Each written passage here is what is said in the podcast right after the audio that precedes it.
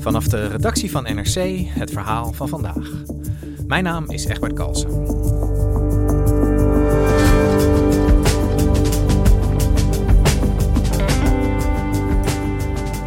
Het gratis zorgsysteem van Groot-Brittannië, ooit de trots van de natie, dreigt volledig vast te lopen. Ambulances staan in de rij bij de eerste hulp door een tekort aan bedden en de wachtlijsten zijn eindeloos.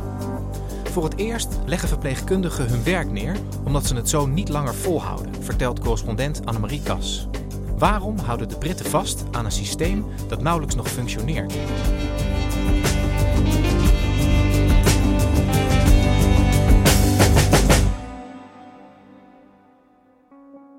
The British Red Cross warns of a humanitarian crisis in NHS hospitals in England. Official figures show that ambulance response times were the worst on record during the month of December. The urgent and emergency care crisis was now responsible for hundreds of excess deaths every week. De Britse gezondheidszorg, de landelijke gezondheidsdienst NHS, die bevindt zich in staat van crisis. En ja, ik vind dat altijd een beetje een moeilijk woord om te gebruiken, want het lijkt soms aan inflatie onderhevig. Hè? Zeker hier in het uh, Verenigd Koninkrijk gebruiken media het voor ja, uh, van alles en nog wat, voor allerlei problemen in de samenleving. Maar ja, in dit geval is het gewoon waar. Uh, de wachtlijsten voor patiënten zijn de afgelopen jaren enorm opgelopen. Uh, tot er nu 7,2 miljoen Engelsen op de wachtlijst staan voor ja, een of andere behandeling in het ziekenhuis. Dat is iets meer dan 1 op de 10 inwoners. De wachttijden voor ambulances zijn lang. Uh, de werkdruk voor verpleegkundigen is, is hoog, terwijl ze daar in ruil ja, relatief lage salarissen voor terugkrijgen. En dat alles heeft er eigenlijk uh, toe geleid dat vorig jaar voor het eerst in, in hun bestaan de, de grootste vakbond voor verpleegkundigen, dat is de Royal College of Nursing, uh, zij hebben voor het eerst besloten om te gaan staken, om het werk neer te leggen. What do we we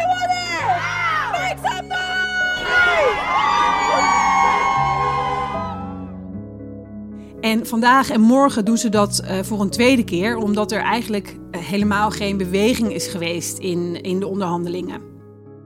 Dat zorgsysteem waar het Verenigd Koninkrijk juist altijd zo trots op is geweest, ja, dat is nu helemaal vastgelopen. Annemarie, de, de NHS, uh, nou in, in woord in ieder geval nog steeds een icoon van de, van de Britse verzorgingsstaat. Um, wat, wat maakt dat systeem zo bijzonder? Waarom zijn die Britten zo trots op dat zorgsysteem?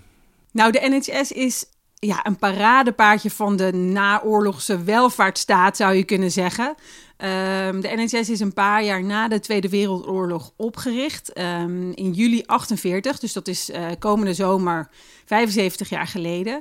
En het idee was dat elke inwoner uh, het recht kreeg op gratis gezondheidszorg. Our plan is a service which will provide the best medical advice and treatment for everyone, every man, woman and child in this country. There'll be no charge for treatment. En het, het onderliggende idee daarvan is dat als je goede zorg biedt aan je burgers, zij uh, gezonder zijn en, en minder gevoelig zijn voor armoede, werkloosheid. En, en dat daardoor ja, de samenleving als geheel eigenlijk uh, vooruit zal gaan en de economie daar dus ook van zal profiteren. This has got to be not only a full service, but also a really human and personal service. We're right to improve the health of every family and the whole nation. Inwoners krijgen ongeacht hun portemonnee, dus ongeacht wat ze verdienen, gratis gezondheidszorg. En dat is zo in alle vier de landen van het Verenigd Koninkrijk. Dus uh, Engeland, Schotland, Wales en Noord-Ierland hebben elk hun eigen dienst. Maar het principe is in al die vier landen van het VK hetzelfde. En, en jij zegt gratis zorg. Uh, bedoel, dat is vanuit het perspectief van de burger. Hoe wordt dat betaald dan? Ja, die betaling van de zorg verloopt eigenlijk helemaal via de overheid. Um, het ministerie van Volksgezondheid gaat over het budget. En het allergrootste deel wordt uh, vanuit algemene belastingen betaald. Dat is ongeveer 80 procent. En uh, de rest, de overige 20 procent, die verloopt via premies die werkgevers voor hun, uh, voor hun werknemers betalen. Burgers die hoeven zich zeg maar, financieel gezien geen zorgen te maken over hun zorg. Dat is natuurlijk heel mooi als je dat kunt bieden als land. Uh, maar jij schetste net al, het gaat niet helemaal lekker met die NHS. Ehm, wanneer ontstonden de eerste barstjes in dit systeem? Ja, ik zou zeggen dat uh, het omslagpunt ongeveer in 2008 heeft gelegen. De financiële crisis toen die heeft er hier in het VK enorm ingehakt. Hè, met banken die omvielen, uh, overheid die moest bijspringen. En uh, daardoor uh, grote delen van de overheid die moesten bezuinigen op andere onderdelen eigenlijk. Dat gold ook voor de NHS. Je ziet echt in het grafiekje van uitgaven aan de NHS... zie je vanaf 2008 zo'n knak naar beneden... Uh, daarnaast stegen de uitgaven wel weer langzaam maar zeker. Alleen ze bleven relatief gezien veel lager dan in andere landen, andere westerse landen. En dat heeft als gevolg um, dat er minder bedden per hoofd van de bevolking beschikbaar zijn. Het heeft ook als gevolg dat het percentage vrije bedden lager ligt.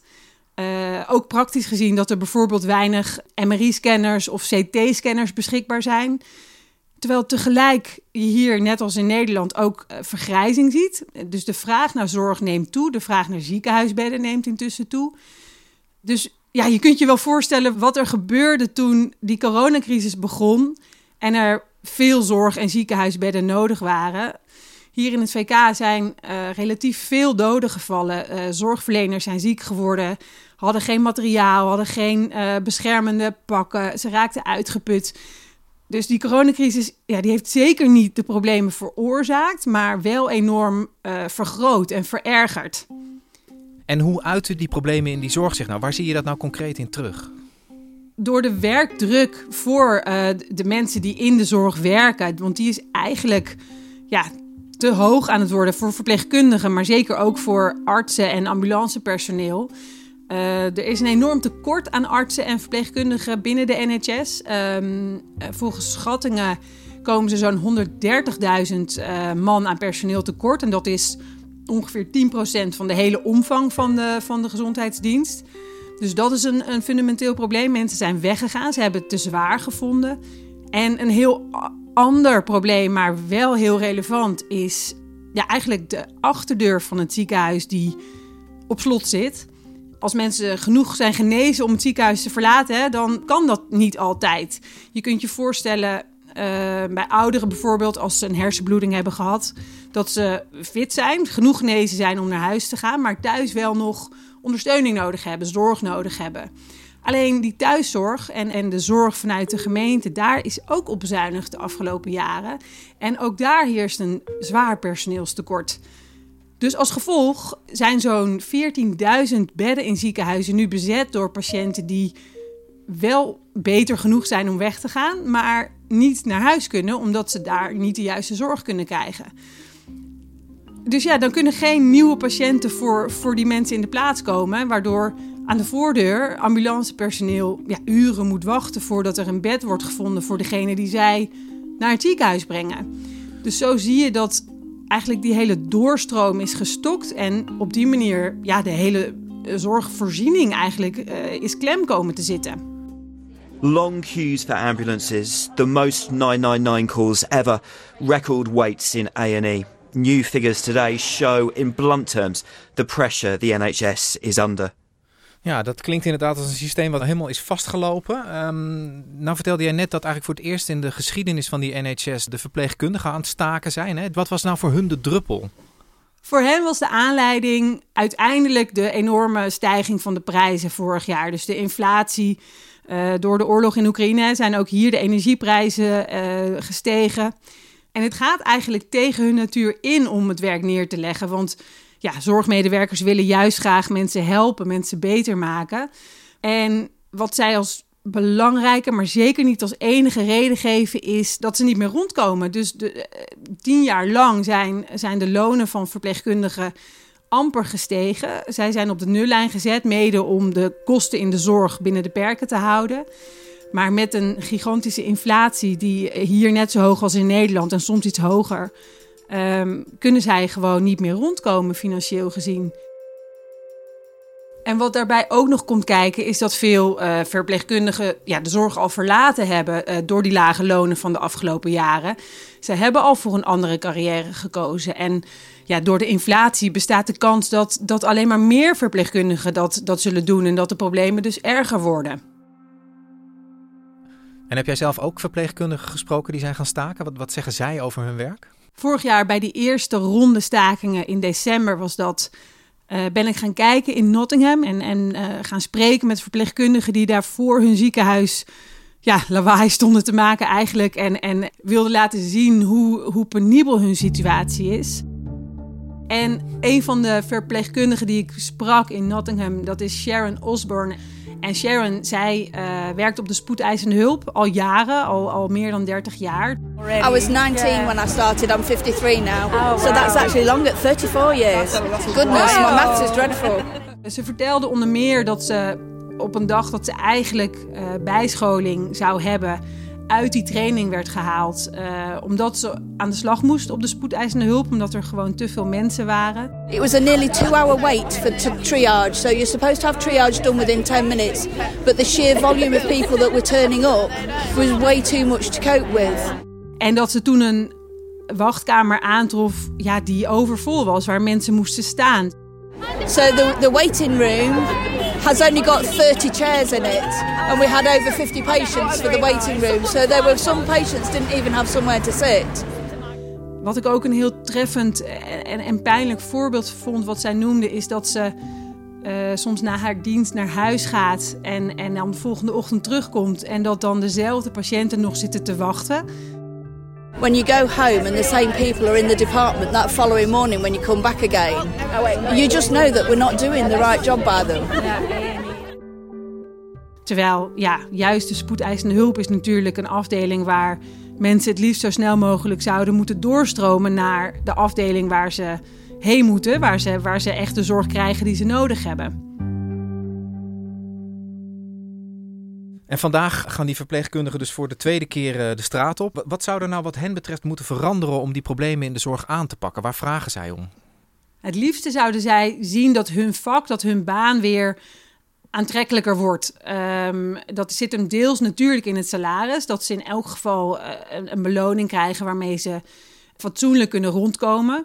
Een ander uh, belangrijk onderwerp is uh, de schulden waarmee nieuwe verpleegkundigen worden opgezadeld. In 2016 zijn hier um, de subsidies afgeschaft voor opleidingen voor verpleegkundigen. Dus als je nu um, een verpleegkundige wil worden, dan begin je eigenlijk al in het ziekenhuis met een schuld. Dat is een groot probleem. Um, de sociale zorg, dus de thuiszorg, moet weer gaan lopen. Uh, om die achterdeur open te zetten en, en de doorstroom te bevorderen. Dus het is echt een heel ja, pakket aan maatregelen eigenlijk, waardoor de ziekenhuizen weer beter zouden moeten gaan, uh, gaan functioneren. Ja, en als je hoort waar die mensen nu tegenaan lopen, klinkt dat op zich allemaal als, als, als legitieme eisen. Wordt daar al gehoor aan gegeven vanuit de regering? Doen ze iets met die vragen van die verpleegkundigen? Eigenlijk niet. Het lastige is voor de regering dat werknemers in allerlei sectoren op het moment het werk neerleggen. Uh, bij de spoorwegen, in het onderwijs, bij de post, daar zijn ook allemaal stakingen. Want de lonen hier in het VK blijven eigenlijk al jaren meer achter dan in, in vergelijkbare Europese landen. En nu met die inflatie kunnen werknemers in allerlei sectoren thuis de eindjes niet meer aan elkaar knopen. En daar ja, verschuilt de regering zich eigenlijk achter, zou je kunnen zeggen. Zij proberen hun verweer um, zo breed mogelijk te houden. Wij moeten als overheid op onze financiën letten. Uh, wij willen niet dat die inflatie verder stijgt, die willen we naar beneden brengen. Dus kunnen wij geen al te hoge loonsverhogingen toezeggen, zeggen zij. En de regering kijkt ook niet per se naar de onderliggende fundamentelere problemen. Zeker niet bij de NHS. Ze komen nu bijvoorbeeld, uh, deze week uh, zijn ze weer bezig in het, in het lagerhuis met wetgeving om de stakingen aan banden te leggen. Dus om wettelijk vast te leggen bijvoorbeeld dat minimaal aantal van de treinen moet rijden. Of dat een minimale bezetting in ziekenhuizen of bij de post moet zijn als er stakingen zijn. Ja, daarmee ga je wel de stakingen tegen, maar kijk je natuurlijk niet echt naar wat er mis is met de sector of met het probleem waar, waar uh, de werknemers aandacht voor vragen. Want als wij dat eens even wel proberen hier, als we naar iets meer afstand naar dat hele NHS, naar dat zorgstelsel kijken, wat is dan de kern van het probleem? Is, is dat de betaalbaarheid? Is dat een tekort aan personeel? Waar, waar zit hem dat dan precies in? Het is zeker uh, de betaalbaarheid. Als je kijkt naar um, de vraag die, die toeneemt hè, de, door de vergrijzing hebben mensen meer zorg nodig en ook complexere zorg nodig. Terwijl tegelijkertijd het geld dat daarvoor beschikbaar is uh, niet hard genoeg meestijgt. Dus dat is absoluut een probleem. En daarvan zeggen veel Britten ook: het is een politieke keuze hoeveel geld je uitgeeft aan de zorg. Um, dat is een probleem. Iets wat minder makkelijk bespreekbaar is, is de bureaucratie. Er is zeker ook veel bureaucratie binnen de NHS. De zorgverlening is vaak best nog wel een beetje ouderwets. Hè. Veel gebeurt op oude computers. Uh, patiënten hebben vaak nog papieren dossiers die ze mee moeten nemen als ze naar het ziekenhuis uh, komen. En een derde punt is het personeelstekort. Um, vaak komen er verpleegkundigen uit de Filipijnen of uit India over, die hier, hier komen werken. Alleen de inrichting van de opleidingen, dus de opleidingen voor verpleegkundigen, maar ook voor artsen, die schiet eigenlijk tekort. Er zijn meer Britten die zich aanmelden voor die opleidingen dan waar zij capaciteit voor hebben. Dus daar gaan ook wel stemmen op. Zorg nou dat we meer mensen kunnen opleiden. Dus dat, dat is uh, ook zeker een, uh, een belangrijke bottleneck. Hey, en, en wordt er in Engeland wel eens gekeken naar zeg maar, een, een, een, grote systeemverandering? Ik bedoel, als de overheid zeg maar, zo vastloopt in de manier waarop de NHS nu is georganiseerd, wordt er dan ook wel eens gekeken naar, naar oplossingen zoals misschien wel die wij hier in Nederland gehad hebben? Moet je niet marktwerking introduceren in die zorg om het efficiënter te maken? Dat komt af en toe zeker op. Die discussie um, uh, wordt wel gevoerd. Alleen dat wordt ook vaak meteen weer afgeserveerd. Juist omdat de NHS zo'n uh, paradepaardje is. En juist omdat het land zo trots is op dat systeem, op die gratis toegang tot, uh, tot zorg. Uh, binnen de conservatieve partij, die nu al meer dan twaalf jaar aan de macht is. En ja, dus ook voor een groot deel verantwoordelijk is voor, voor de huidige crisis.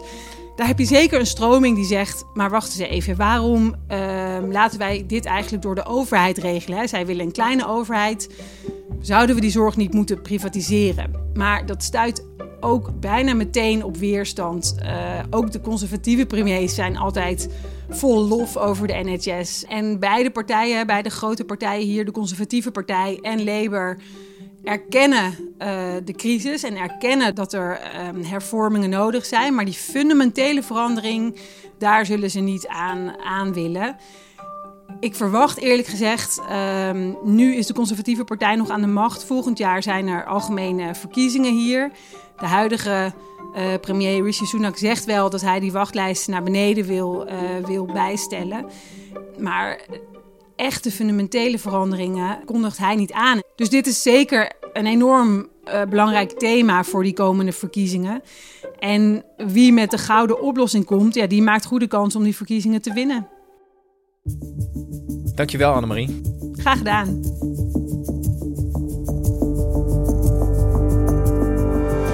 Je luisterde naar vandaag, een podcast van NRC. Eén verhaal, elke dag. Deze aflevering werd gemaakt door Mila Marie Bleeksma en Stef Visjager. Coördinatie Henk Ruigrok van de Werven. Dit was vandaag. Morgen weer.